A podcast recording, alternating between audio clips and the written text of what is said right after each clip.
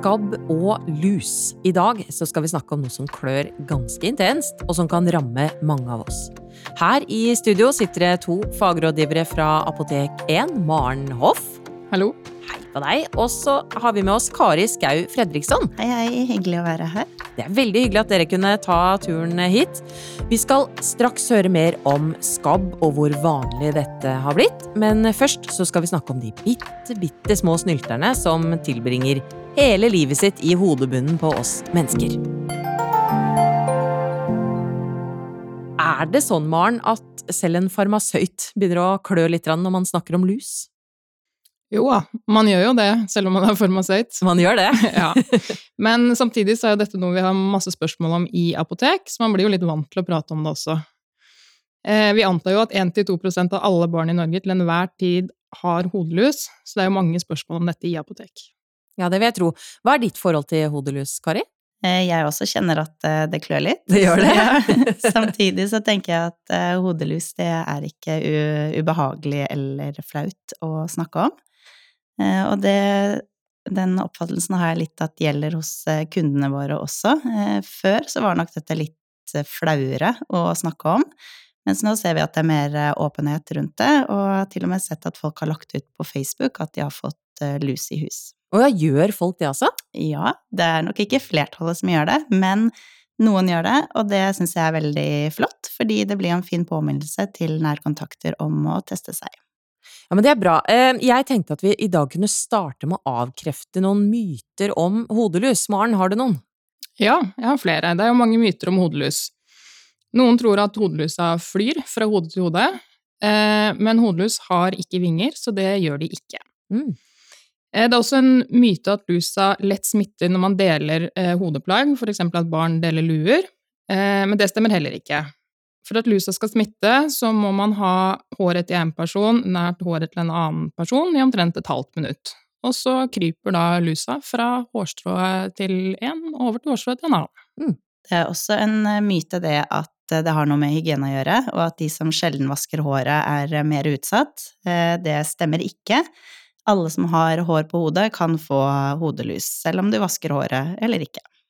Det er godt å ha med seg. Vi har eh, tatt en tur ut på apoteket, vi, for å høre hva folk lurer på om hodelus. Hvordan man skal fjerne hodelusa. Liksom hvis man har fått det, liksom, om man skal ta kurere, man skal fjerne det ut med dusj, eller hva man skal gjøre. Om det smitter liksom ved berøring, eller om lusen hopper fra hode til hode.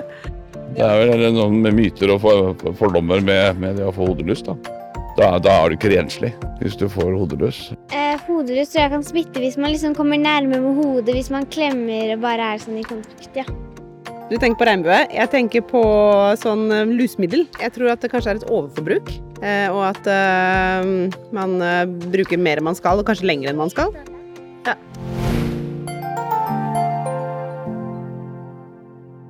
Er lusa vanskelig å få øye på? Eh, det kan være vanskelig å, å, se luseeggene fordi de er små, men hvis man først på en måte leter etter de, så ser man de. Mm. De er små, hvite, avlange egg som sitter klistra ganske godt fast i hårstråene. Det er eh, også mulig å se levende lus, faktisk, men de er ikke så lette å se. Eh, men hvis man leter godt bak øret eller i nakken eller oppe på toppen av hodet, så kan man se dem. Men får apotekene mye spørsmål om hodelus, eller vet folk stort sett hva de skal gjøre? De aller fleste finner nok ut på egen hånd at de har hodelus, eh, eller at barna har hodelus, men så kommer de gjerne til apoteket for å høre om hvordan de skal bli kvitt det. Eh, og da hjelper apoteket med å finne riktig produkt og gir gode råd om hvordan eh, de skal bruke det. Hva vil du si er den største feilen folk gjør, da? Litt vanskelig å svare på, men det er nok kanskje en del som dropper kur nummer to. Lusemiddel skal jo brukes i to runder. Eh, og så er det sikkert en del som også bruker for lite eh, lusemiddel. Har man tjukt og langt hår, så kreves det ganske mye lusemiddel. Man kan jo tenke seg at dette lusemiddelet er ganske sterkt i og med at det tar livet av eh, disse krypa, men, eh, men Kari, hva er, hva er det lusemiddelet inneholder? Ja, eh, det er faktisk ikke så sterkt. Lusemidlene i dag inneholder en type silikon med et virkestoff som vi kaller dimetikon. Og den er ganske skånsom mot oss som bruker det, men ikke mot lusa, heldigvis. Den virker ved at den kveler lusene. Ok, til slutt, hvis du skal gi ett godt råd da, til de som sitter og begynner å klø litt i hodebunnen og lurer på om de har lus, hva er det? Da vil jeg anbefale at man sjekker seg for lus regelmessig, og gjerne da en gang i måneden. Um, og når man sjekker da, så er det lurt å ha vått hår, fordi når man har vått hår, så beveger lusa seg mye tregere, og det er lettere å få øye på. Vi skal over til andre ting som klør, og som folk kan miste nattesøvnen av. Det skal handle om skabb, og ja, Kari, kan du først bare begynne å beskrive litt hva skabb er, egentlig? Eh, ja, det kan jeg gjøre. Skabb, det er eh, en midd. Den er et eh, bitte, bitte lite dyr som graver ganger i huden vår. Og dette vil jo føre til en meget intens kløe. Men er det den selve den gravinga i huden som gjør at vi klør? Nei, man vil ikke kjenne at den beveger seg i huden. Eh, kløen oppstår som en allergisk eh, reaksjon på midden og eggene som den eh, legger i disse hudgangene. Og denne reaksjonen det vil faktisk ta tid å utvikle, så du kan gå med skabb i opptil seks uker før du merker at du har det, før kløen oppstår. Vi snakka tidligere om hodelusa som bor i hodebunnen vår. Er det spesielle steder på kroppen denne skabben bor, Maren? Nei, skabben bor ikke på noe fast sted, eh, og i motsetning til lusa så er det sjelden at man finner skabb på hodet. Eh, de vanligste stedene å klø når man har skabb, det er mellom fingrene, rundt håndleddet, i albuen eller i skrittet. Er det sånn at eh, den skabben smitter den på samme måte som hodelusa, at den driver og krabber? Ja, men skabben er ikke like rask som hodelus. Smitten skjer hovedsakelig ved at man har direkte hudkontakt, og gjerne da med en varighet på over 15 minutter. Eh, men smitte det kan også skje ved kortere nærkontakt, så man bør være spesielt oppmerksom på treningspartnere og lekekamerater til barn, som da ofte leker tett sammen. Mm.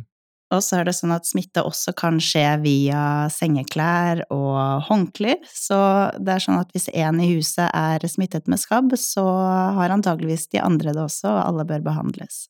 Det er ganske greit å vite. Hvor vanlig er det å få skabb, da? Altså Tidligere så var det lite snakk om skabb, men det har nok blitt et økende problem de siste årene. Eh, likevel så er det nok ikke dette folk roper høyest om, så det er litt vanskelig å vite eh, hvor mange som har det. Mm. Men det er sånn at alle kan få skabb, det har ikke noe med hygiene å gjøre. Og det er veldig viktig at eh, skabbsmitte tas på alvor, og at det er eh, åpenhet eh, rundt dette, sånn at det fort blir oppdaget og man får satt i gang behandling. Men når man først får skabb da og begynner å klø og man begynner å kjenne på dette, hvor vanskelig er det å bli kvitt skabben? Tja, det kan, eh, kan være litt vanskelig, eh, selv om det finnes eh, effektiv behandling. Skabb det forsvinner ikke av seg selv, så det er veldig viktig at det behandles. Og det finnes effektiv behandling, men for å få full effekt av det, så er det veldig viktig at man gjør det riktig. Og behandlingen består av mange steg og så skal den gjentas etter en um, uke.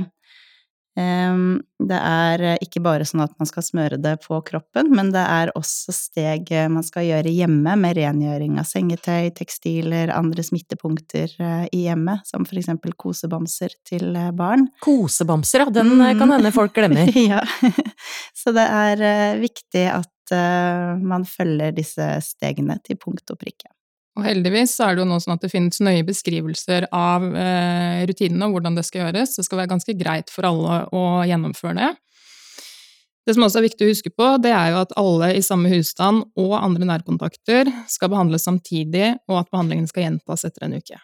Mm. Og selv om det fins eh, nøye beskrivelser, så er det en utfordring ved behandlingen, og det er at Eh, Folkehelseinstituttet de har eh, kommet med nye anbefalinger de siste året, og det har stadig vært endringer også i hvordan den behandlingen skal foretas. Og det er faktisk sånn at pakningsvedlegget til legemidlene som behandler skabb, er ikke oppdatert i henhold til de nye rådene. Så når du kjøper en, en, behandling på apoteket mot skabb, så er det viktig at du får med deg et sånt informasjonsskriv, mm. um, og at du følger det, og ikke leser i pakningsvedlegget, sånn som du vanligvis skal gjøre. Ja, det er greit å vite. Er det, er det etsende eller vondt når man driver og smører på den der kremen på kroppen? Nei, det er det ikke. Eh, det finnes to reseptfrie legemidler til behandling av skabb, eh, og det skal ikke være smertefullt å smøre på disse. Ok, er det, Finnes det noen gode råd da, til de som sitter og kjenner på at de har ikke sånn kjempelyst til å bli smitta av, av skabben? Tja, ja, det er jo ikke så veldig lett å vite at man har, eller at noen har skabb, hvis ikke de forteller om det. Så jeg vil ikke gå så langt og si at man ikke skal ha nærkontakt med andre, men det er viktig at hvis du vet at noen har skabb, så er det jo viktig at uh, man behandles, selv om man er en nærkontakt. Så både den som er påvist smittet, og alle nærkontakter må behandles. Og så unngå å dele klær og, og sengetøy og håndklær. Så hvis man er student og for eksempel bor i et sånt studentkollektiv, hva gjør man da hvis noen eh, man kjenner har fått skabb? Mm, da vil jeg også si at du er en nærkontakt, og at det er høyst sannsynlig at dere har brukt samme håndklær for eksempel på, på badet. Da bør de også behandles. Åssen er det, Maren, med barna? Kan man sende barna i barnehagen når de har fått skabb? Eh, ja, etter hvert kan man det. Eh, man skal gjennomføre én behandling, eh, og etter det er gjennomført, så kan de gå i barnehagen eller på skolen.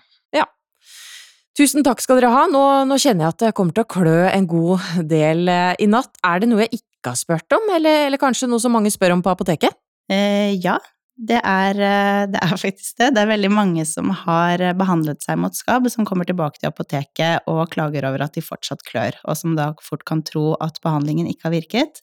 Men den kløen den kan sitte igjen i opptil fire uker etter vellykket behandling, eh, så bare hold ut, og blir det for ille, så kan du bruke allergitabletter eller hydrokortisonkrem for å dempe det. Eller du kan snakke med legen hvis det blir for ille. Og hvis kløen varer utover fire uker, så må du også kontakte legen. Jeg håper du har eh, lært eh, både et og annet eh, av dette her i dag. Det er i hvert fall jeg. Har du spørsmål til våre farmasøyter, så besøk oss gjerne på et av våre 440 apotek over hele landet, eller på apoteken.no, og der kan du også chatte med farmasøyter hele døgnet.